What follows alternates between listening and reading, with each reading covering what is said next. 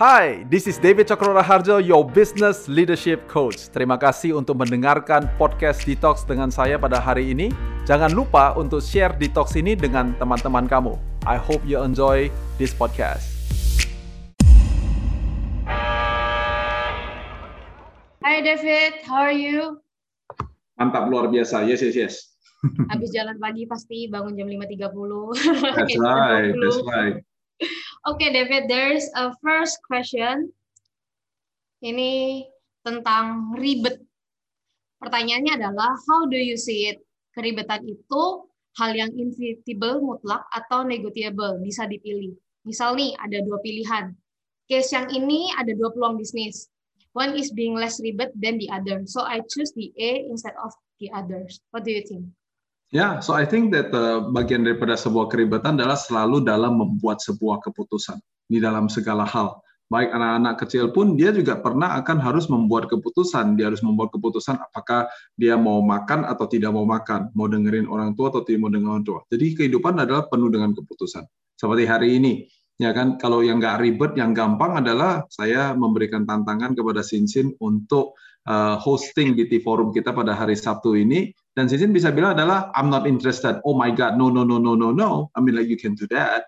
Tapi instead of doing that, Sinsin seperti menjawab bertanya pertanyaannya adalah menjawab pertanyaan yang sama. Sinsin bukan bagian daripada timnya SCP, you are independent, you are one of our subscriber, and then kemudian waktu diberikan sebuah tantangan untuk uh, memimpin di T-Forum pada uh, pagi hari ini, and you think about it, I'm sure Sinsin Bosan juga ada cerita sama saya, juga juga deg-degannya juga ada juga sih. Tapi you overcome the deg-degannya, you overcome bahwa adalah aduh bisa gak ya, aduh nanti mau nanya apa ya, you know all those sort of things. Selama satu minggu ini juga dapat SMS dari saya dari WhatsApp, so saya terus tanyain kalau ini bagaimana, kalau ini bagaimana, you know all those sort of things. So you have to always be, jadi kita harus selalu aware, sadar bahwa pasti akan ada keputusan-keputusan yang harus kita ambil keputusan itu perlu diambil karena ada keribetan daripada pilihan-pilihan. Nah, yang gampang, yang mau nggak usah semuanya tadi pilihannya ada A atau B, semuanya kayak begitu. Yang gampang adalah ya, ya pokoknya ya yang gampang, yang enak, gak usah keluar keringat, gak usah pakai deg-degan, pokoknya gue jalanin juga pasti bisa. Secara natural, kita pasti mencoba untuk memilih, untuk memilih sesuatu yang gampang di kitanya. Itu seperti kalau seperti tadi pagi saya main bola basket, saya ngajar bola basket, ya mau gampangnya apa? Main sama anak umur 8 tahun, 9 tahun. Nah, kalau main sama anak umur 8 tahun, 90 tahun, ya 9 tahun ya saya sudah pasti menang. But keribetan itu muncul pada saat kita bilang begini, kalau seumpamanya ini anaknya berumur 8 tahun, dilatih sama kita, then what type of training, latihan-latihan seperti apa yang saya harus lakukan untuk bisa membantu anak ini bisa berkembang dengan lebih baik. Jadi kalau ditanya, apakah ini sesuatu yang mutlak atau tidak mutlak? Ribet itu sebetulnya adalah mutlak dalam pemikiran bahwa setiap hari kita toh sudah membuat keputusan-keputusan itu. Bedanya ini, ada yang susahnya di depan, ada yang susahnya di belakang. Kalau orang Indonesia lagi pergi ke Amerika Serikat, suka bilang begini, parkiran orang orang apa orang uh, di sana itu ya orang barat yang lucu ya, semuanya kepala dulu yang masuk. Jadi itu normal untuk orang lain kalau lihat orang parkir mobil gitu ya, kepalanya dulu yang masuk.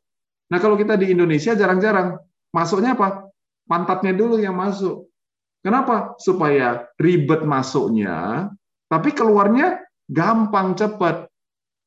Tapi karena kita sudah kebiasaan seperti itu, kadang-kadang kita juga bikin keputusannya, ya udah, pokoknya selalu harus pantat dulu masuk. Tapi kalau kita lagi di area grocery shopping, nggak selalu benar kecuali parkirannya sistemnya bagus. Tapi kalau nggak bagus, kalau kita masukin ke uh, pantatnya dulu yang masuk, nanti kita bawa kereta, keretanya nggak bisa lewat karena nggak ada jalanannya. Terus antara mobil sama mobil, keretanya nggak bisa lewat. Nah, halo. Nah, so you see, sebuah sebuah keribetan itu adalah mutlak, cuman bedanya adalah ada yang di depan, ada yang di belakang. Nah, harapan saya kita dalam konteks di depan, maksud saya itu adalah kalau kerja sesuatu kita mutlakin itu mesti ribet. Artinya apa? Kita pikirin dulu, kita pikirin dulu. Nanti kalau gua masuk begini, nanti gua keluarnya mau apa ya? Gua mau bawa kantong plastik atau mau bawa kereta? Kalau bawa kantong plastik ya terserah sih, mau maju kepala dulu, mau pantat dulu, who cares? Tapi kalau kita mau bawa kereta dan kita udah lihat jalanannya gak ada dan segala macam, maka kita bilang gini, keluarnya akan lebih susah, masuknya akan lebih gampang. Gak apa-apa, kenapa? sih itu contoh-contoh daripada ribet yang mutlak. Tetapi ribet itu seperti tadi pertanyaan daripada Sinsin, itu juga adalah sebuah pilihan. Jadi dia bukan mutlak atau bisa dipilih-pilih, tapi dia adalah mutlak dan bisa dipilih. Is not an or, it's a both and in my opinion. Nah, jadi kalau udah udah seperti kayak begini ya, uh, kalau kalian jalankan ini dengan uh, keseharian kalian, kalian selalu berpikir dulu di depan. Nah, ini akan menjadikan sesuatu yang tiba-tiba orang lain rasa ribet deh pikiran lusin. Tapi buat kita, kita anggap biasa-biasa aja. Sebagai contoh, saya kalau dari uh, ini berarti berapa ya? Tuhan tahun 2008. Nah, 2008 adalah pertama kalinya dari 1999 sampai 2008 itu adalah pertama kalinya saya datang ke Indonesia dan tinggal tiga bulan. Sebelum itu nggak pernah. Sebelum itu saya tinggalnya di Amerika Serikat. Kalau saya pulang ke Indonesia, saya pulang kadang-kadang cuma dua hari, kadang-kadang dua minggu. Ya paling banter satu bulan. Tapi kalau satu bulan itu pasti karena saya ada dua tiga minggu di Bali. Jadi jalan-jalan, bukan tinggal. Nah, saya pernah di tahun 2008 tinggal di sini tiga bulan. Kenapa? Karena untuk pertama kalinya saya berpikir bahwa adalah what is the opportunity di Indonesia. Nah, pada saat saya lagi di sana, saya masih ingat banget saya duduk di restoran. Setiap kali saya duduk di restoran, setiap kali saya komplain. Every single time. Saya duduk di restoran yang mahal, yang murah, saya komplain. Komplain yang bersihnya lah, komplain cara pegangnya lah, semuanya uh, orang ngantar kita makanan. Kalau kita adalah waiter, kalau kalian lihat waiter di luar negeri, nggak ada, saya belum pernah lihat orang kalau nganterin makanan, jempolnya itu ada di piring. Nggak ada. Orang kalau bawa makan itu semuanya jempolnya itu di ujung daripada piringnya. Sehingga jempolnya nggak di piring. Ini nggak ada hubungannya sama COVID, nggak ada COVID. Ini berhubungan dengan hygiene. Masa saya punya mangkok, saya punya piring, ditaruhin jejak jempol Anda di situ. Nah, kalau ditaruh jejak jempol di situ, kalau tangannya kotor atau berminyak, berarti atau dia baru pegang hidungnya terus gimana dong? Berarti makanannya germnya pindah ikut sama saya. Nah, tapi kan ditaruhnya di bawah. Jadi protokol itu ada sesuatu yang normal di luar negeri. Di negara kita, khususnya di tahun-tahun itu, satu saya baru belum makan saya udah jijik duluan karena saya lihat tuh kadang-kadang ada kalau kalian pernah dan habis ini mungkin kalian mulai memperhatikan ya kalau orang serving kita makanan gitu ya kalau ada yang kukunya kadang-kadang orang yang kukunya yang panjang-panjang itu Nah, kalau dia pegang dia kebiasaan pegang piring atau pegang mangkok itu adalah dipegang di dalam bagian dalam daripada mangkoknya kalau saya kalian bisa bayangkan. Berarti kukunya masuk ke dalam makanan saya, ke nasi saya, ke mie saya atau ke sayur saya. Betul nggak? Wah, saya buat saya itu sesuatu yang aneh, sesuatu yang yang lo kok logikanya nggak jalan. So you see, when you do that, nah saya mikirin itu. Nggak cuma sekedar cuman kayak sekedar ya udah pokoknya di Indonesia ada opportunity apa? Yang mana yang can make a lot of money. So it is secara normal seperti biasanya saya duduk di situ saya selalu berpikir nah kalau saya lagi sibuk saya lagi ada tamu saya lagi apa tentu saya tidak ngapa-ngapain. Tapi khususnya kalau saya lagi diterlambatin sama orang lain yang janjian sama saya terlambat 15 menit 30 menit zaman itu ya kadang-kadang bisa dua jam kemudian baru muncul kayak begitu ya. Saya suka panggil uh, store manajernya Habis itu saya nanya sama dia. Saya sudah melakukan coaching pada saat itu sebelum saya hari ini dipanggil seorang coach. Saya seorang apa pelancong, turis karena saya bukan orang Jakarta. Turis datang ke Indonesia, duduk di restoran, saya kepoin store manager. Ada store manager yang liatin saya dengan blank look, like, apa sih lo pak? Saya buka amat lo, ribet lo. Uh, apa uh, susah jadi customer punya customer kayak begini. Dan sampai ada orang yang bilang, oh begitu ya Pak ya, wah saya nggak pernah membayangkan seperti demikian, saya nggak pernah berpikir seperti demikian.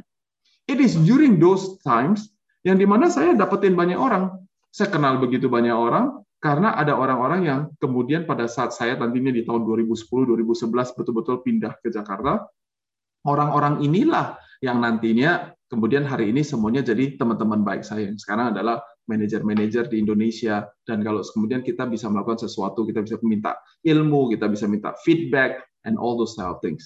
Nah itu ribet. Jadi itu mutlak.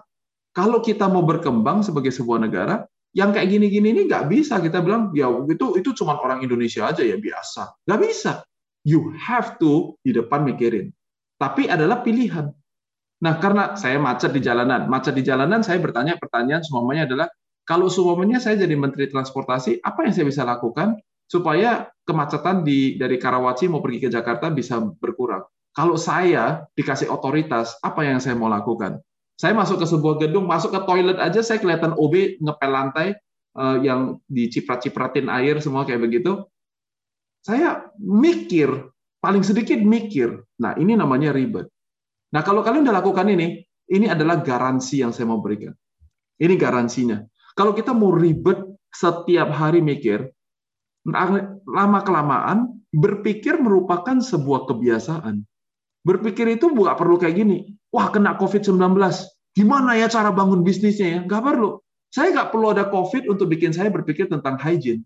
Saya berpikir tentang hygiene kalau kita buka restoran, karena itu adalah yang benar. Jadi saya udah mikirin ribetnya dari kemarin-kemarin. Saya nggak nunggu ada COVID dulu, baru mikirnya adalah gimana caranya kita punya revenue yang berkesinambungan.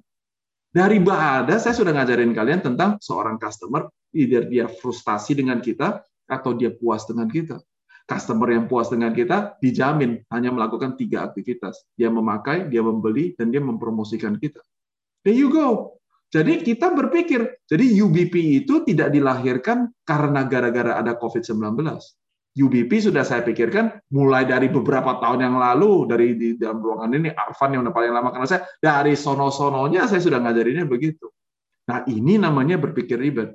Sehingga kalau nanti ya saya ada garansi lagi nih garansi bahwa dalam 10 tahun sampai 20 tahun dari sekarang kita semuanya pasti bakalan kena another krisis paling sedikit satu lagi oke okay? sebelum kita tutup mata meninggalkan bumi kita akan kena lah satu dua tiga biji lagi nah lain kali kalau kita udah berpikir ribet here's what's important kita mutrakan kita pilih untuk mau ribet mikirannya nanti kalau datang kita kalian akan dapetin yang bosan saya tanya Sin Sin Sin pertama kali lu kenal saya dari dari mana sih? Oh rupanya dari April 8 2020. Jadi percis kira-kira satu tahun yang lalu. Kita ada webinar 14 jam. Kenapa satu tahun yang lalu di tengah-tengah daripada semua orang cerita tentang bagaimana caranya untuk survive COVID-19, topik saya yang pertama namanya adalah the next trillion dollar economy. Saya cerita tentang bertumbuh, saya nggak lagi cerita tentang bertahan. You know why?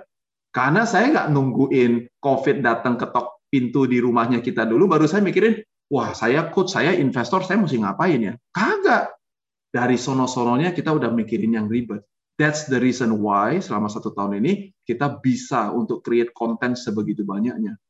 Buat kalian rasanya gila, ini setiap ini orang setiap minggu bikin konten. Dari kacamatanya kita, itu adalah konten yang sudah ada, nggak bisa ketemu fisik, jadi semuanya didigitalkan. Can you see the difference? So ribet itu mutlak dan ribet juga adalah pilihan. Is both and. Alright, awesome. So proses berpikir itu ribet itu adalah salah satu dari proses berpikir kayak gitu ya. Yeah. Oke, okay. There's a second question. Ini masih sedikit tentang ribet, tapi dikontekstualisasikan. Kalau David kan selalu ngajarin kalau bertanya itu harus dikontekstualisasikan. Hmm. Jadi ada pertanyaan.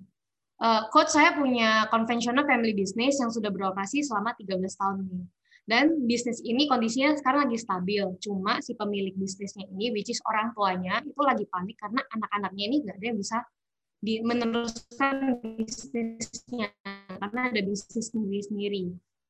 Nah, kondisinya mungkin uh, bisa ngelanjutin itu 5 sampai 10 tahun lagi karena alasan usia si pemilik bisnis ini si orang tuanya.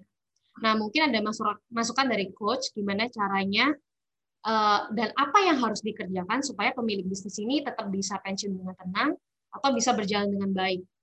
Atau mungkin lebih pertanyaannya lebih kayak gimana cara mempersiapkan bisnis ini untuk siap untuk exit kayak gitu. Well, you know, number one, uh, anak-anaknya sudah dewasa, sudah disekolahkan, sudah jadi orang. Um, sebagai seorang uh, parent, kita perlu menyadari bahwa uh, tanggung jawab kita sudah selesai. Mau, you know, lucu kalau semuanya anak saya yang berumur masih tiga hari, kalau dia kencing di pampersnya, terus saya marahin dia, kencing kencing di pampers, kencing pergi kamar mandi dong. Namanya juga baru tiga hari. Dia nangis nangis nangis lapar. Terus saya mikirnya, lapar aja pakai nangis. Lu masih baru belum lahir, gue udah lebih susah dari lu. Nah, kan anaknya kalau bisa bicara gitu, istilahnya, ya ilah kan gue baru tiga hari, betul nggak? Nah itu namanya baby. Nah sekarang kalau kita udah dewasa, apakah kita masih begitu setiap kali dia mau pergi kencing, kita mesti bawa dia ke kamar mandi. Umurnya udah 25 tahun semuanya. Masa kita masih bawa dia pergi kencing? Semuanya lapar. Waktu tiga hari kita mesti mikirin lapar ya mungkin ya. Dia maunya berapa mili ya susunya ya. Kita mesti mikirin semuanya. Masa udah umur 20-an kita masih mikirin gini, makan apa ya si anak saya ya? Apa kita masakin kuah ya? Atau of course not. Kenapa? Karena sudah dewasa. Jadi pesan saya yang pertama adalah walaupun anak saya sekarang yang paling besar sudah hampir 14 tahun, dan saya juga akan masuk saat mungkin berapa lama? lima tahun lagi, 10 tahun lagi, bagaimana di masa 10 tahun lagi, saya juga akan punya tantangan yang sama. This is a challenge. This is a challenge. Menelantarkan anak sama mengizinkan anak kita bertumbuh, itu garisnya tipis. Jadi bukan gak peduli, kita telantarin aja, kan udah besar nih, papa sudah kirim you sampai pergi ke universitas. Ya lu hidup mati mulai dari sekarang urusan lu. Nah, itu namanya menelantarkan. Tapi kalau semuanya kita berpikirnya itu adalah kita izinkan dia untuk bertumbuh, masih ada 5-10 tahun apalagi, jawaban saya adalah kita harus kasih dia kesempatan untuk bertumbuh. Seperti seorang anak sebelum bisa berlari harus bisa berjalan dulu. Sebelum berjalan harus bisa merangkak dulu. Sebelum merangkak harus belajar untuk you know, angkat leher dulu. Dan di dalam setiap daripada perjalanan itu, si anak akan pernah jatuh. Nggak pernah. Mau sehebat pun anak kita, nggak pernah. Daniel dari tiga anak saya, itu yang umurnya tujuh bulan sudah berdiri, udah berjalan. It is a little bit fast, lebih cepat daripada teman-temannya. Tapi nggak ada yang tiga hari anak kita bisa jalan sendiri, itu nggak ada. Jadi memang harus melewati prosesnya. Jadi mungkin si anak belum tentu tidak akan meneruskan bisnis kita. Tapi kalau kita pegang dia erat-erat dan bilang adalah lu gak boleh dan dia terus bilang gua gak mau, kita cuma tegang-tegangan di situ, akhirnya lima tahun habis dan kita tidak mencapai apa-apa. First, you have to learn to let go. Let go. Ya ini adalah challenge daripada setiap orang tua. My baby, you know, udah ada baby lagi, kita mesti nyadar bahwa dia sudah dewasa dan kita mesti izinkan dia untuk menjadi dewasa muda. Kasih dia aja dia jalan. Siapa tahu habis jalan, habis itu dia baru kena apa namanya kena bentus di kiri di kanan jatuh itu tahu adalah oh iya bisnis keluarga mungkin lebih baik. You have to give it a chance gitu. Oke okay? ini yang pertama. Nah untuk kita sendiri sebagai orang tua kita mesti tahu bahwa adalah saya nggak punya tanggung jawab untuk bisnis ini harus diteruskan mesti diapain nggak ada. It doesn't matter. Jadi kalau semuanya ini adalah bisnis saya dan nggak diturunkan anak saya jawabannya juga seharusnya adalah it's okay. Now I understand, maybe it's not ideal untuk kita, tapi it should be okay. Nah, ini namanya adalah kita mesti lebih mengenali season daripada kehidupan kita. Nah, jadi kalau semuanya sekarang 5 dan 10 tahun lagi mau exit, ya tergantung bisnisnya apa sih. Tergantung bisnisnya bisa diapain. Ada bisnis-bisnis tertentu yang 5-10 tahun dari sekarang mungkin sudah cukup besar, mungkin bisa go public, bisa jadi TBK. Nah, mungkin itu adalah sekali lagi ideal. Mungkin ada apa lagi? Mungkin bisnisnya ini uh, bisa semuanya dibeli oleh uh, grup yang lain atau uh, apa namanya uh, kompetitor atau segala macam kayak begitu. Nah, jadi ini sebetulnya pilihannya ada banyak. Nah, pilihan lain lagi ada juga di dalam bisnis keluarga saya kita memanggil profesional untuk run the business. Oke, jadi kita kasih profesional run the business ya, kemudian kita beralih mulai daripada pelaku bisnis menjadi apa namanya board of directors di dalam perusahaan itu. Jadi run it professionally, nggak selalu harus ditutup juga kayak begitu. Ya, jadi mungkin ini beberapa pemikiran aja tergantung semuanya ini uh, apa skala daripada bisnis keluarga itu semuanya berbeda-beda dan kita mesti pikirin baik-baik apa yang mau dilakukan uh, dan uh, opsinya apa-apa saja. Tapi generally speaking, if you ask me what is an exit look like, yang pertama dia tentu bisa menjadi TBK, ya menjadi public listed uh, uh, company. Yang kedua dia bisa uh, merger. Uh, yang ketiga dia bisa diakuisisi oleh orang lain. Dan yang keempat minta dividen, gitu. Ya jadi saya pikir itu sih yang bisa dilakukan. Kalau ada option kelima, maybe uh, selama 5-10 tahun ini uang-uang yang profit yang bisa diterima semuanya kita pastikan dikumpulkan di satu tempat sehingga 5-10 tahun dari sekarang kita bisa investasikan ulang semuanya dimasukkan ke tempat lain. Kalau ini adalah tidak berhubungan dengan anak-anak, ini berhubungan dengan si orang tua saja, eh, mungkin umurnya udah lebih lanjut atau segala macam, mungkin jumlah uangnya banyak itu bisa dimasukkan ke dalam eh, investasi yang lebih safe gitu ya, mungkin deposito eh, atau semacamnya sehingga bisa menerima bunga dan bisa menikmati hari tua dengan baik. So a, lot of a lot of options, you know, but it has to be kita mesti lihat dengan lebih uh, dekat untuk bisa memberikan opsi yang lebih baik. Hope is useful. Alright, thank you David for the answer. So ini ada kelanjutan dari pertanyaan yang sebelumnya. Hmm. Kan tadi David ada bilang kalau misalkan kalau uh, kita mau exit bisa TBK, merger, akuisisi atau minta dividen aja nih. Nah tapi kan di proses itu kita harus menemukan partner nih, the right people to help us in that work kayak gitu kan. Nah menurut David kira-kira ada nggak kriteria 3 plus 1 kriteria orang yang cocok untuk jadi partner di sebuah bisnis? Oh ya, yeah, I mean like cari partner ya maksudnya di sini. Hmm. Ya, kalau cari partner sekali lagi uh, partner itu uh, adalah orang yang nomor satu uh, uang adalah faktor daripada sebuah partnership. Oke, okay? yang kedua yaitu adalah uh, ide. Ya, semuanya bisnis ini udah berjalan, I assume semuanya 15 tahun, 30 tahun sebagai contohnya. Nah, untuk bisa uh, semuanya kita masuk ke pasar yang baru, somebody has to have an idea, somebody has to come with a new business model. Apa yang mau dilakukan? Nah, ini nomor duanya apa? Yang ketiga adalah siapa yang akan mengeksekusi, gitu. Oke. Okay? Nah, kalau sudah tiga ini ada uang, uh, kemudian ide dan eksekutornya sudah sudah ada. Nah, berarti baru kita semuanya plus one-nya adalah bagaimana kita meracik uh, partnership kita yang uh, yang bagus, yang keren gitu ya kan? Nah, jadi contoh-contoh contohnya banyak sekali ya dan dan ini sudah dilakukan uh, saya juga banyak cerita tentang ini so I'm just gonna be very quick I think uh, about this one. Sebagai contohnya adalah uh, mungkin yang kita butuhkan cuma uh, uang saja karena very likely enggak ya karena kelihatannya dia justru yang punya uang dia mungkin nggak punya ide dia mungkin nggak punya yang mau eksekusinya semuanya. Ya dan you offer up. Nah kita bilang gitu loh semuanya sin saya kasih you 10% kamu yang keluarin ide kamu yang keluarin uh, uh, apa namanya uh, keringat gitu ya eksekusinya. So you do it gitu. Nah so after you do it, tapi kita bilang begini. Nah kalau semuanya berjalan dengan baik, lima tahun daripada sekarang, uh, kamu punya saham nggak seharusnya 10%. Saham kamu harusnya lebih besar daripada itu. Tapi kalau seumpamanya cuma gratis dikasih ke Sinsin, mungkin saya juga merasa keberatan. Perusahaannya saya terus injek dana untuk bikin, tapi kamu uh, cuma dapat saham kosong, mungkin saya juga nggak bisa. Oke, okay, kalau gitu, then you make a deal dong. Make a deal. Semuanya adalah, oke, okay, kita lock ya. Kalau semuanya dalam lima tahun, saya bisa dari 10 persen, kan mau jadi 30 persen, semuanya contohnya. Berarti ada 20 persen. Oke, okay, 20 persen itu value-nya berapa? Value-nya semuanya X rupiah. Ya udah, kalau begitu berarti Shenzhen akan terus melakukan karena apa? Karena dari bonus, dari komisi dan segala macam, saya bisa mengembang tahun pertama mungkin dari 10%, dari 15% dan so on so on. Nah, jadi saya pikir uh, that's how you recruit uh, a new blood uh, dalam partnershipnya kita dalam posisi sebagai yang pemilik usahanya.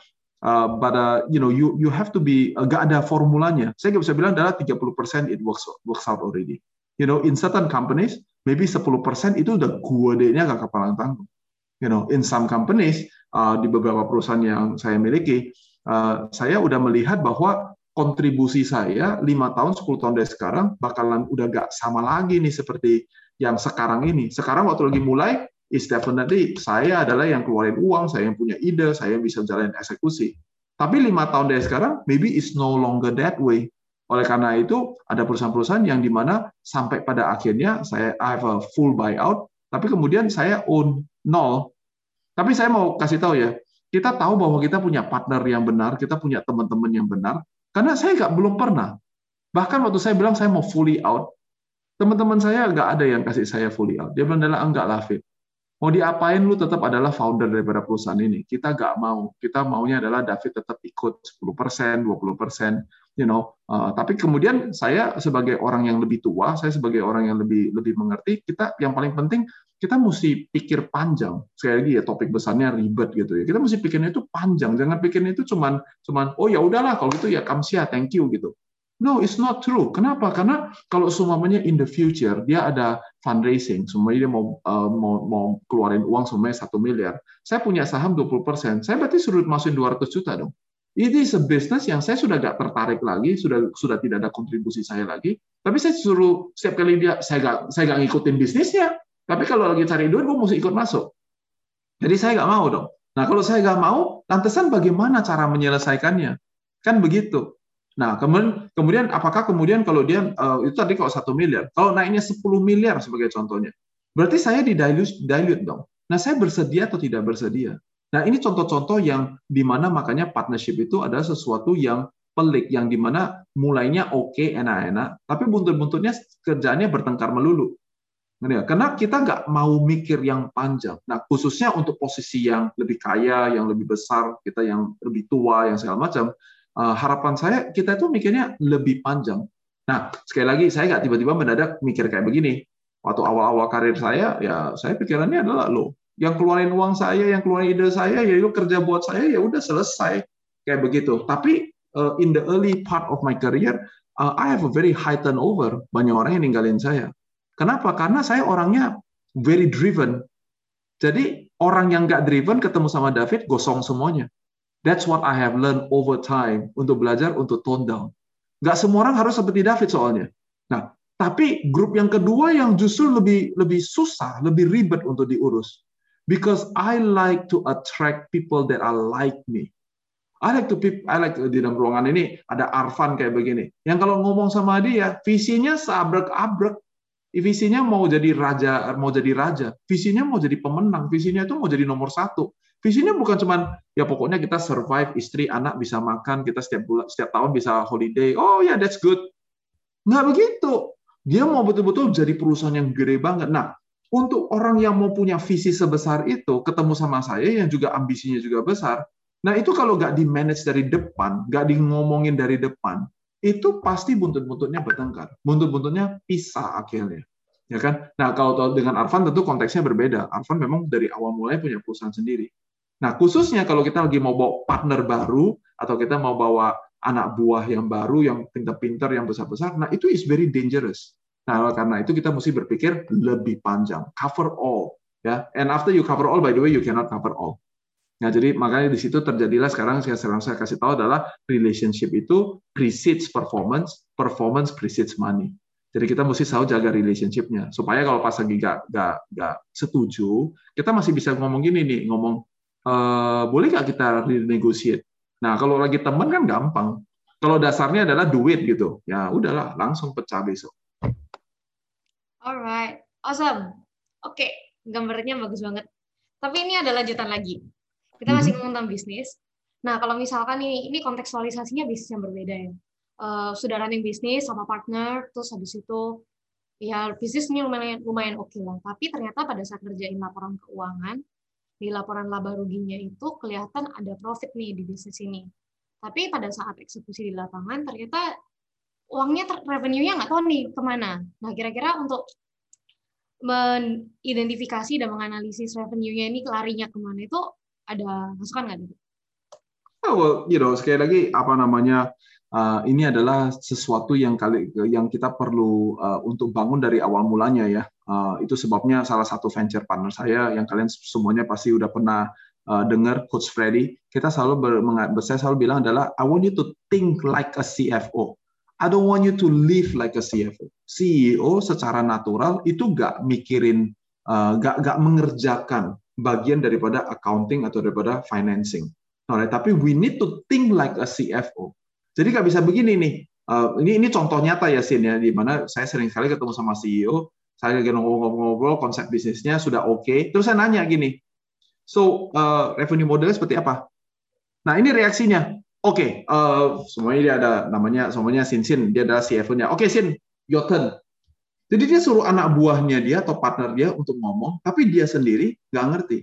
Nah, it's okay actually kalau mereka adalah co-founders. Nah, kemudian saya akan nanya lagi sama si foundernya. Saya tanya gini, Sin, kalau soal agak sama Arfan gitu CEO-nya. Saya bilang, Fan, eh, tadi yang tadi ngomong itu kalau semuanya begini begini begini, kamu kamu rasanya seperti apa? Nah, once again, si Arfannya nggak bisa jawab. Saya lebih sering ketemu yang nggak bisa jawab. Dia balik lagi, Sin, silakan jawab. Jadi kembali lagi kepada CFO. Now, if you guys are co-founders, nanti waktu pada saat Adi yang tadi you bilang revenue-nya dari mana, profitnya seperti apa, dan segala macam, That's the reason why sebagai partner kalian bertengkar. Kenapa? Karena si CEO merasa adalah gila, gue udah bantuin penjualan udah segini besar, gue udah begini, mana profitnya? Karena si Davidnya atau si Arvannya, CEO-nya ini, dia nggak mau, dia nggak peduli dan dia tidak mau belajar tentang keuangan sama sekali. And that's where the mistake is. Nah di dalam tim saya di Sovereign Capital, secara uh, Excel atau secara uh, keuangan, saya mungkin adalah yang paling goblok termasuk orang kerja saya. Orang kantoran saya dan partner-partner saya semuanya dibandingkan, mungkin saya adalah juara pencorot. Juara terakhir. Untuk bikin saya juara terakhir. Tapi laporan keuangan apa aja ditaruh di depan mata saya, di, laptopnya saya, saya lihat saya bisa nomor satu mengerti itu apa. Dan yang kedua, saya tahu kalau ada sesuatu yang salah. Dan yang ketiga, saya bisa kasih ide bagaimana memperbaiki nomor itu. Nah itu itu adalah kita kita nih ya yang ada di dalam ini sebagai pemimpin jangan punya kebiasaan bilang bahwa adalah aduh gue paling goblok tuh kalau urusan yang duit-duit kalau yang tulis-tulis yang uang-uang Microsoft Excel, aduh baru lihat aja gua kepala udah puyeng. Nah, if you do that, punya partner, gak ditipu aja, you merasa ditipu. Apalagi kalau sengaja pula si uh, uh, kita punya partner mau nipu kita. Nah, this is very dangerous. This is very very uh, important places the coaching moment. Ya, pertanyaan ini saya mau bawa dengan konsep ya apa kontekstualisasi yang lebih luas we have made dua series tentang think like CFO. Itu apalagi yang uh, bagian yang pertama itu adalah basic daripada accounting. Kalian nggak bisa lihat itu dan bilang gini, aduh ribet gue nggak bisa mikir. Nah kalau itu aja kalian nggak ngerti, kalian akan banyak tensionnya, akan banyak bertengkarnya, ada banyak prasangka buruknya. Ya ini ini konteksnya adalah even orang nggak ngapa-ngapain sama kita pun kita punya prasangka yang buruk. Ya, jadi ini sesuatu yang sangat basic. Nah, sekali lagi um, uh, di Think Like CFO yang pertama kita kasih tahu bahwa adalah ada tiga laporan yang kita harus bisa mengerti, yaitu adalah income statement, laporan laba rugi, yaitu adalah balance sheet, dan yang ketiga adalah uh, cash flow-nya kita. Jadi tiga ini nggak bisa bilang saya nggak tahu, saya nggak mengerti, saya nggak mau tahu, apalagi nggak mau tahu, nggak bisa. If you call yourself a leader, ini yang yang pertama. Nah, kemudian di bagian yang kedua, Think Like CFO, kita ngajarin tentang LTV, yaitu adalah lifetime value daripada customer kita dibandingkan dengan acquisition cost-nya kita, cost untuk mendapatkan customer itu, LTV over CAC.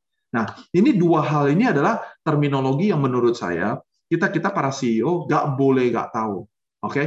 if you're on a pitching process sebagai contohnya, kalau semuanya ditanya, kita harus bisa begini, bisa begini. Kecuali kalian punya, oh, you know, 50, 100 perusahaan. Terus kan kita, saya rasa saya aja nggak bisa ingat.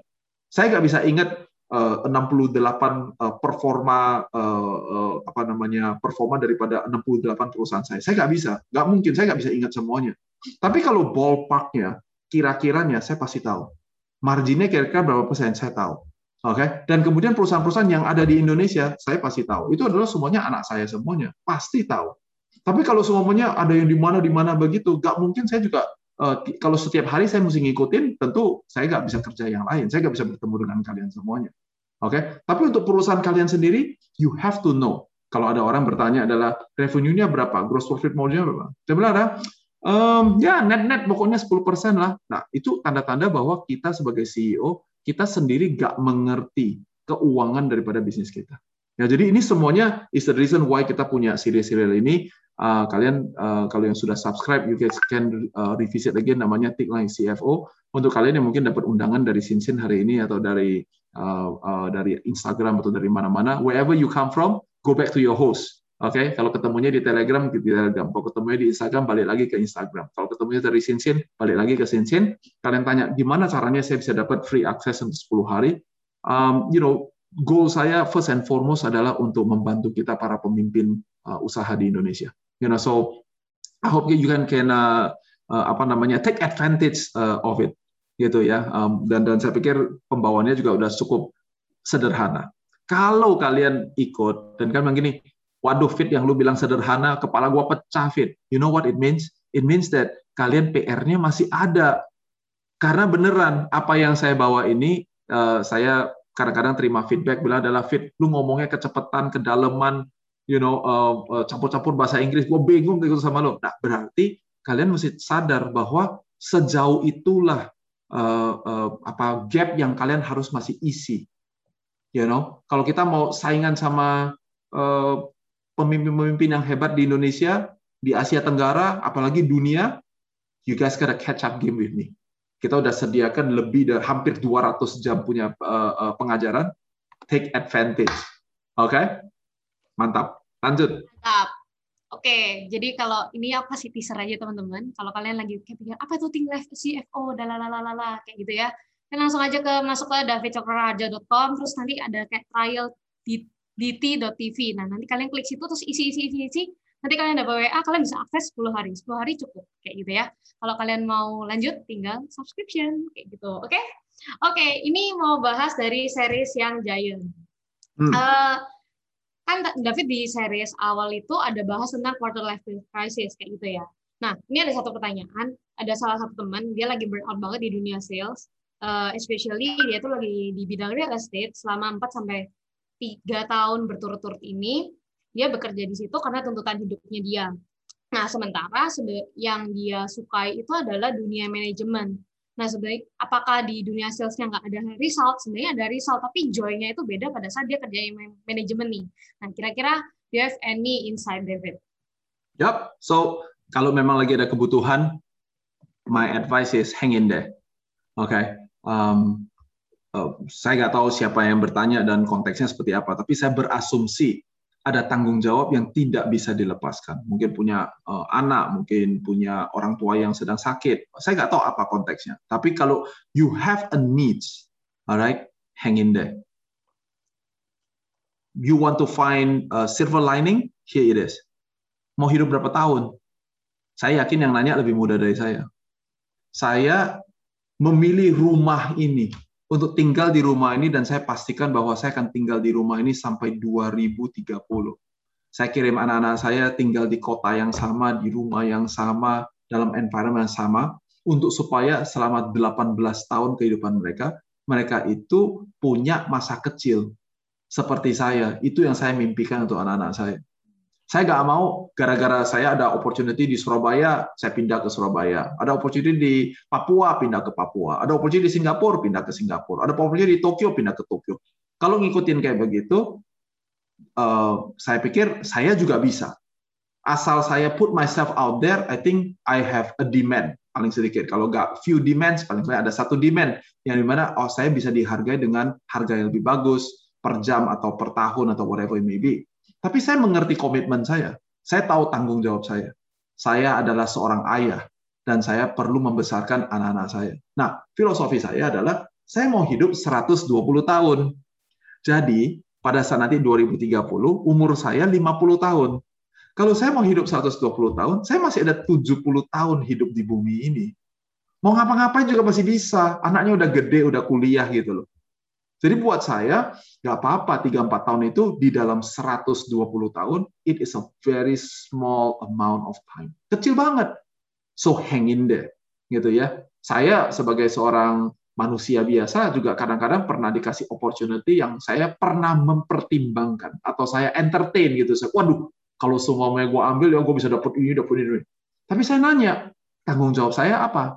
Tanggung jawab saya sekarang ini bukan bikin perusahaan yang sebesar-besarnya. Tanggung jawab saya yang sekarang ini adalah saya punya anak-anak yang di mana saya bisa dekat sama mereka.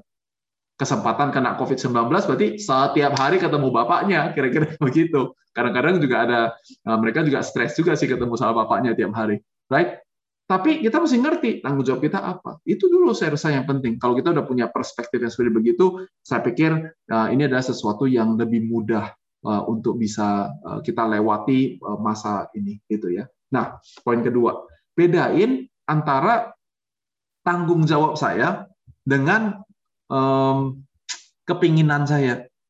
Saya ketemu beberapa orang yang bilang, iya Fit, gue gak bisa tinggalin kerjaan nih Fit. Karena gue ada kebutuhan di sini. Nah, kebutuhannya dimaksud, saya dramatisasi sekarang ya. Semuanya pergi ke kantor naik helikopter, oke, okay, setiap bulan mesti pergi uh, uh, uh, naik first class pergi ke mana, terus setiap kali makan satu kali makan satu orang 10 juta rupiah. Saya lagi dramatisasi, oke? Okay? Kontekstualisasikan dalam kehidupan kalian masing-masing. Itu bukan tanggung jawab. Itu adalah kepinginan kalian. Itu adalah ketakutan kalian. Kalau saya nggak naik helikopter atau turunkan sekarang, kalau saya nggak naik mobil ini, kan semua orang anggap gue gak sukses. Itu bukan tanggung jawab understand that that is not tanggung jawab. Jadi bedain kalau ada tanggung jawab dan kita bayar harganya supaya tanggung jawab itu sampai, itulah kedewasaan. Tapi kalau cuma sekedar untuk pameran, sekedar untuk supaya orang lain anggap gua juga orang yang sukses, bagus, kuat, kaya, atau whatever it may be, you are dealing with the demon inside you. Kalian lagi bertarung dengan uh, monster yang ada di dalam diri kita sendiri. it, kalian melakukan pekerjaan yang kalian nggak mau lakukan karena kalian takut sendiri. Karena ada monster di dalam diri kalian sendiri yang nakut-nakutin kalian. It's not true. Saya tinggal 11 tahun di Indonesia, saya belum pernah punya mobil baru. Belum pernah. Justru di at the peak of our success, adakah kepikiran mau beli mobil baru? Ada. Adakah kepikiran mau bangun rumah yang baru? Ada. Tapi karena pada saat itu saya sudah sampai, saya bertemu dengan banyak daripada kalian, anak-anak anak muda, yang semuanya berpikir bahwa adalah investor harusnya udah udah udah ada udah ada apa namanya udah ada window dressingnya gitu. Wah, David investor. Kalau investor, berarti rumahnya yang mesti kayak begini, mobilnya mesti yang kayak begini. Wah, kalau jam tangannya mesti begini, ininya mesti begini, ini mesti begini, semuanya mesti begini. Nah, saya punya visi. Visi saya adalah sekata Indonesia perkasa. Saya mau menjadi sebuah tempat untuk empowerment dan juga menjadi seorang yang men-challenge uh, anak-anak muda pemimpin bisnis di Indonesia. It is you all. Jadi kalau kalian datang ke rumah saya atau kalian makan sama saya, kalian naik mobil saya dan kalian lihat, oh sukses itu definisinya kayak begini ya. Nanti kalian bangun bisnis yang kalian pikirin adalah naik mobil apa, tinggal di rumah apa, holiday seperti apa. Jadi sekarang lagi mau bangun bisnisnya, jadi sukses supaya bisa menjadi jawaban untuk banyak customer kita, untuk banyak employee kita, atau fokusnya adalah setiap tahun saya mesti kumpulin X rupiah supaya saya bisa hidup seperti ini. Now that is the difference. Ini adalah pertanyaan yang sangat dekat di hati saya. Oleh karena itu, kira-kira 5-6 tahun yang lalu, kami memutuskan, kami mengambil sebuah sumpah untuk hidup sederhana. Kami nggak mengambil sumpah untuk hidup miskin, saya sama sekali nggak miskin, Nah, saya sekarang zoom sama kalian, AC ada lampu bagus, you know, topi ini juga gak, gak jatuh dari langit, gak minta-minta di samping jalan, you know, uh, uh, apa ya, handphone saya uh, harganya ya kira-kira 15 juta, jadi saya gak miskin, tapi saya mengambil sumpah untuk hidup sederhana. And I hope this give you guys all inspiration. Dan juga memberi kepada kalian empowerment, kasih kalian kuasa, kasih kalian otoritas, kasih kalian power untuk bilang gini, ah David aja juga masih begitu kok. Jadi saya juga nggak perlu. Nah, bersama-sama kita bisa ganti nih budaya yang kayak begini. Oke, jadi saya nggak usah. Udah deh, ada orang lain. Kalau kalian udah lama ikut sama saya, saya selalu bilang apa? Laut selalu mengajarkan.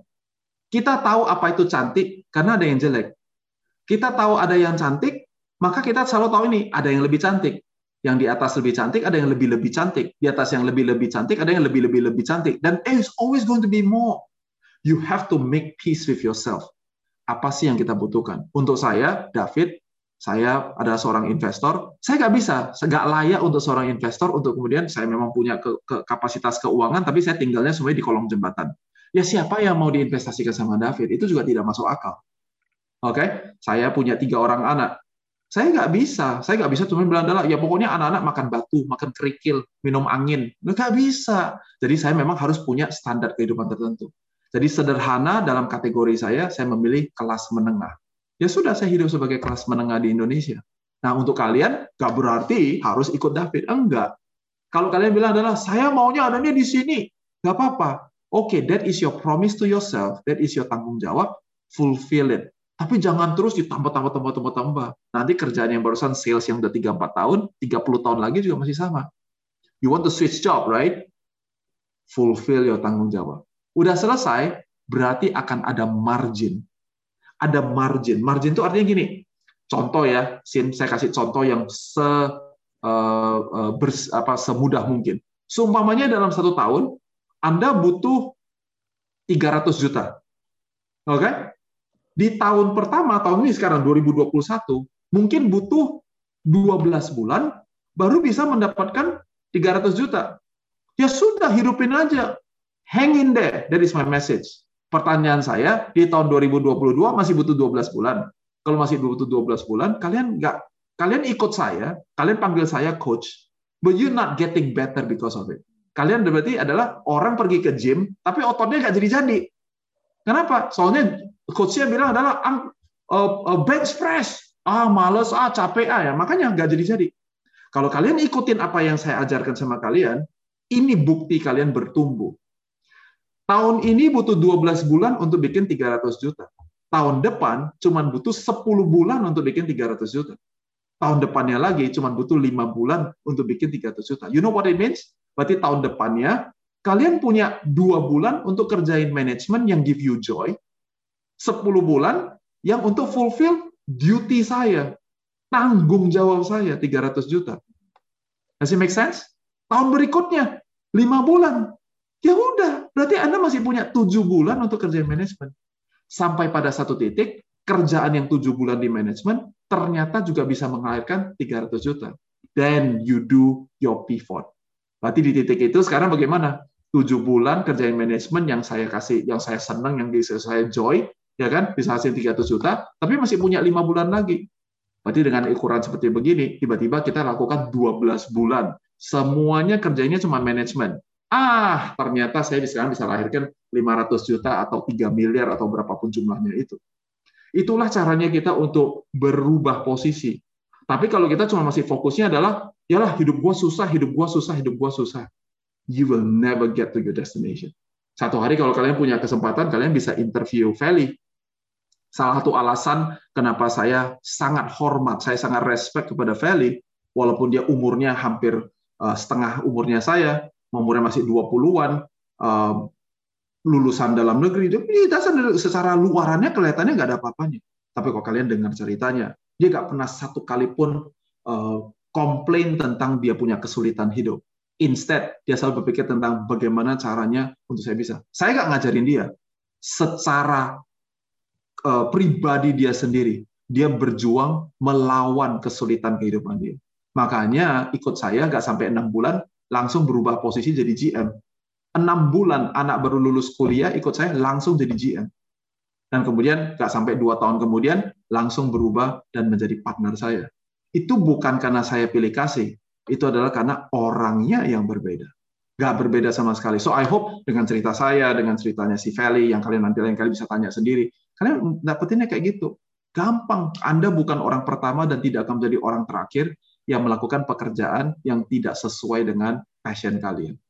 But if you make the process clear, you will get to your destination. Hang in there.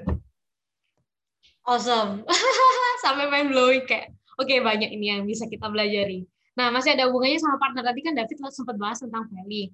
Nah, kita kontekstualisasikan di bisnis lain ini. Nah, uh, ada pertanyaan tentang uh, ada berapa partner nih, kadang nggak kerja cuma untuk cari peluang bisnis, cari keuntungan yang bisa mereka raih. Nah, terus satu hari katakanlah nih orang ini tuh tanya sama kita sebagai partnernya, sesama partner. Gimana caranya bisa menemukan sebuah tujuan hidup. Nah, terus habis itu posisinya orang ini tuh bingung cara menjelaskan step by step-nya. Karena tujuan yang dia miliki mungkin terbentuk dari adversity yang sudah terbentuk dari cerita-cerita lamanya.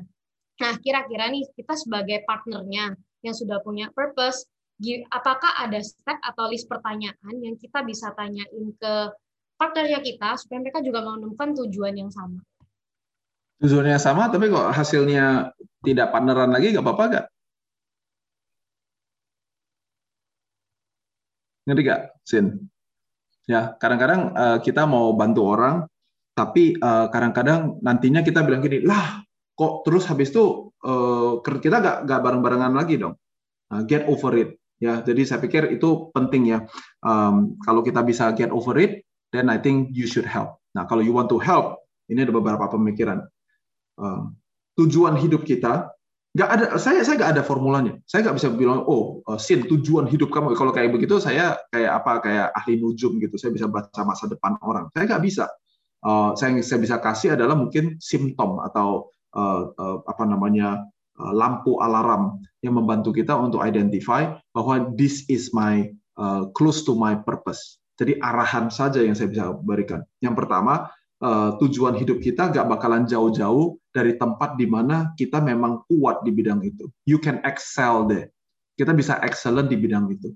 Contohnya, tujuan hidup saya gak ada berhubungan dengan semuanya main alat musik mau apa aja, piano, gitar, violin, apalagi flute, gak ada, drum, saya nggak bisa, mati nada, saya nggak bisa nyanyi, saya nggak bisa main alat musik. Jadi karena saya tidak punya kekuatan di bidang itu, maka saya tidak ada tujuan hidup di dunia itu. Tapi when it comes to business sebagai contohnya, saya sebagai anak muda saya juga pernah pernah galau satu kali dalam kehidupan saya, saya, berpikir adalah apakah saya benar-benar mau jadi pengusaha atau tidak gitu ya. Mentor saya bilang begini, dia bilang, e, Fit, saya ini bukan Tuhan, saya nggak bisa kasih tahu sama you tujuan hidup you apa. Tapi Fit, gue bisa ngomong sama lu begini, Se karena dia umurnya tentu lebih tua lagi daripada saya, dia bilang gini, dia bilang, yang gue tahu ini Fit, nggak mungkin uh, lu lahir di keluarga tertentu, you punya kebiasaan tertentu, you punya kesenangan tertentu, tapi semuanya itu adalah cuma sekedar untuk uh, apa namanya kesia-siaan saja. Dia yakin bahwa kalau kita percaya kita diciptakan oleh Tuhan, berarti ada tujuannya. Oke, maka saya melihat kepada diri saya. Saya lahir tahun 80, saya uh, secara uh, rasnya adalah uh, Chinese, bukan cuma Chinese doang. Uh, Cina totok ya, kalau bahasanya boleh gak ya pakai gitu ya, Cina totok habis gitu ya. Artinya apa? semuanya orang Chinese ya ceritanya adalah jago cari duit, jago hitung-hitung, you know, semuanya buka toko kelontong, buka toko sepeda, buka toko apa, pokoknya berjuang. Papa saya sendiri adalah orang yang uh, merantau dari Jember ke Surabaya, ke Jakarta, ke Medan, beli pickup, kemudian bawa mesin engine speedboat Yamaha pergi dari satu pantai ke pantai berikut ke pantai berikut. Satu pulau Sumatera di, di dijalanin semuanya dari Aceh all the way sampai ke Lampung. Dijalanin pantai demi pantai demi pantai jualan speedboat engine Yamaha dari situ dapat dua ruko dari dua ruko kita tinggal di atas bawahnya kita jadiin showroom dari sana terus berkembang jadi dealer Toyota dari dealer Toyota buka bank dari buka bank punya perumahan dari punya perumahan jalan terus jadi itu latar belakang keluarga saya itu adalah jalannya dan dari situlah saya mulai berpikir, kenapa ya? Jadi saya dari kecil itu udah diajarin untuk mikirin tentang gimana caranya jualan, gimana caranya bangun bisnis, gimana caranya ngaturin orang. Itu dari kecil udah kayak begitu pendidikannya. Kalau saya lagi tamasya, semuanya pergi ke Bangkok, pergi ke Singapura, pergi ke mana gitu. Pertanyaan yang selalu, dan ini saya bilang selalu, selalu ditanyakan oleh ayah saya pada saat kita lagi duduk di waiting room mau naik pesawat, bukan begini, Gimana? Are you excited? Are you excited with your holiday? Kakak saya nggak pernah ditanya begitu. Saya ditanya begini. Nanti kita di Singapura tinggal di hotel mana? Kalau semuanya kamu ketinggalan di bandara, kita semuanya ketinggalan, kamu ketinggalan, kamu gimana caranya dari situ pergi ke bandara? Saya mesti hafal di Changi Airport itu, itu taksi stand-nya di mana, naik ke situ, kasih taunya seperti apa, jangan berbicara dengan stranger, itu cara saya dibesarkan. Saya masih umur 8 tahun, 10 tahun, saya sudah dibesarin caranya begitu. Terus kita lagi semuanya pergi ke satu tempat wisata kayak begitu. Saya dibesarkan, Sin, ditanya begini, kalau kamu tiba-tiba ketinggalan di sini, turbasnya lari, kamu ketinggalan di sini, what do you do?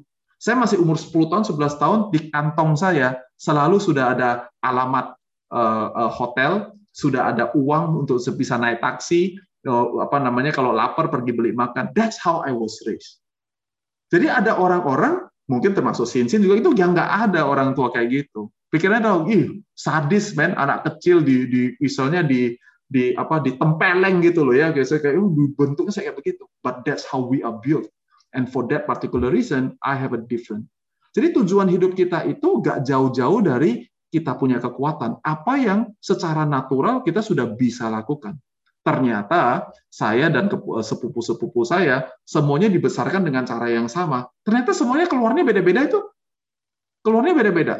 Orang seperti saya, karena saya seperti ikan masuk ke kolam, saya paling senang ditanya hypothetical question. If you got lost here, what would you do? If kita keluar negeri dan kemudian negara kita lagi dalam kondisi perang, dan WNI semuanya dihilangkan, saya nggak punya kota. Saya ke, saya gelantung, saya saya tiba-tiba cuma bisa apa namanya uh, ketinggalan di negara tempat saya lagi tamasya. What would you do? Nah, sih, ini semuanya pertanyaan yang ribet, tapi pertanyaan yang buat saya, saya senang banget. Makanya sekarang saya jadi coach. Karena saya paling suka ditanya pertanyaan. Saudara-saudara saya, sepupu-sepupu saya, semuanya disuruh tanya pertanyaan sama, tapi nggak ada yang jadi coach. You know why? karena ada sesuatu yang natural. Buat saya ini seperti kolam ikan saya. Saya masuk ke situ, saya jadi. So what is it for you? Nah, kalau gini mau bantu your partner or your friend, that's the first question you have to ask. Oke? Okay? Nah, kalau semuanya uh, kalian udah tanya begitu, semuanya oh jawabannya masih ragu-ragu kayak begitu. Ada lagi caranya. Caranya bagaimana? Coba cari guru kalian, coba cari uh, orang tua kalian, paman kalian. Siapa yang sering kumpul sama kalian? Tanya, waktu dulu saya kecil kayak begini nggak? My parents and my family will testify to you. David dari sononya, masih umur 3 tahun, 5 tahun, udah kayak begini orangnya. Memang dasarnya, sukanya yang kayak begini-begini. Orang yang ngerti saya, bilangnya adalah, aduh mikir itu ya kelewat bertele-tele, muter-muter, apa apa sih pentingnya nanya pertanyaan kayak gitu? Atau negatif banget sih mikirin kalau semuanya ketinggalan gimana? Nah, anak-anak saya sekarang dibesarinnya begitu juga. Dan sekali lagi, nggak tiga-tiganya bereaksi dengan cara yang sama. Nah, jadi cari cari tempat di mana yang kalian bilang ini adalah this is my strength.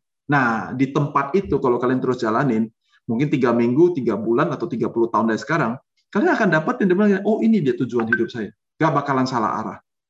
Oke? Okay? Yang kedua, ini yang kedua, ya baru kedua ini ya, mungkin jadi udah, udah penutup kali sini ya. Yang kedua adalah setelah kita tahu kekuatan kita, kekuatan tidak dibutuhkan untuk melayani saya. Kekuatan itu dibutuhkan supaya saya bisa berkontribusi dalam kehidupan orang lain. Contohnya, seperti hari ini saya sebagai seorang leadership coach. Saya punya kekuatan ini, kalau saya simpan hanya untuk membuat saya jadi besar, itu namanya adalah kekuatan yang tidak berguna. Kekuatan yang berguna adalah pada saat saya bisa berkontribusi di dalam kehidupan kalian. Nah, kalau saya bisa berkontribusi dalam kehidupan kalian, panggilan hidup kita juga dekat-dekat di situ. Oke, dan yang ketiga, setelah kita bisa berkontribusi dalam kehidupannya orang lain, tentu juga ada orang yang bilang begini, fit, good job. Ada bilang begini, fit, hari ini uh, tadi Sinsin apa? Ini mind blowing banget, gue langsung tahu nih gue mesti ngapain. Kalau semuanya cuma, ini gue berkontribusi sama semua orang. Tapi Sinsin habis dengerin juga, ya kalau kayak begitu ya samalah, nggak ada gunanya lah. Ya, berarti apa? Berarti tidak divalidasi. Jadi perlu nggak validasi?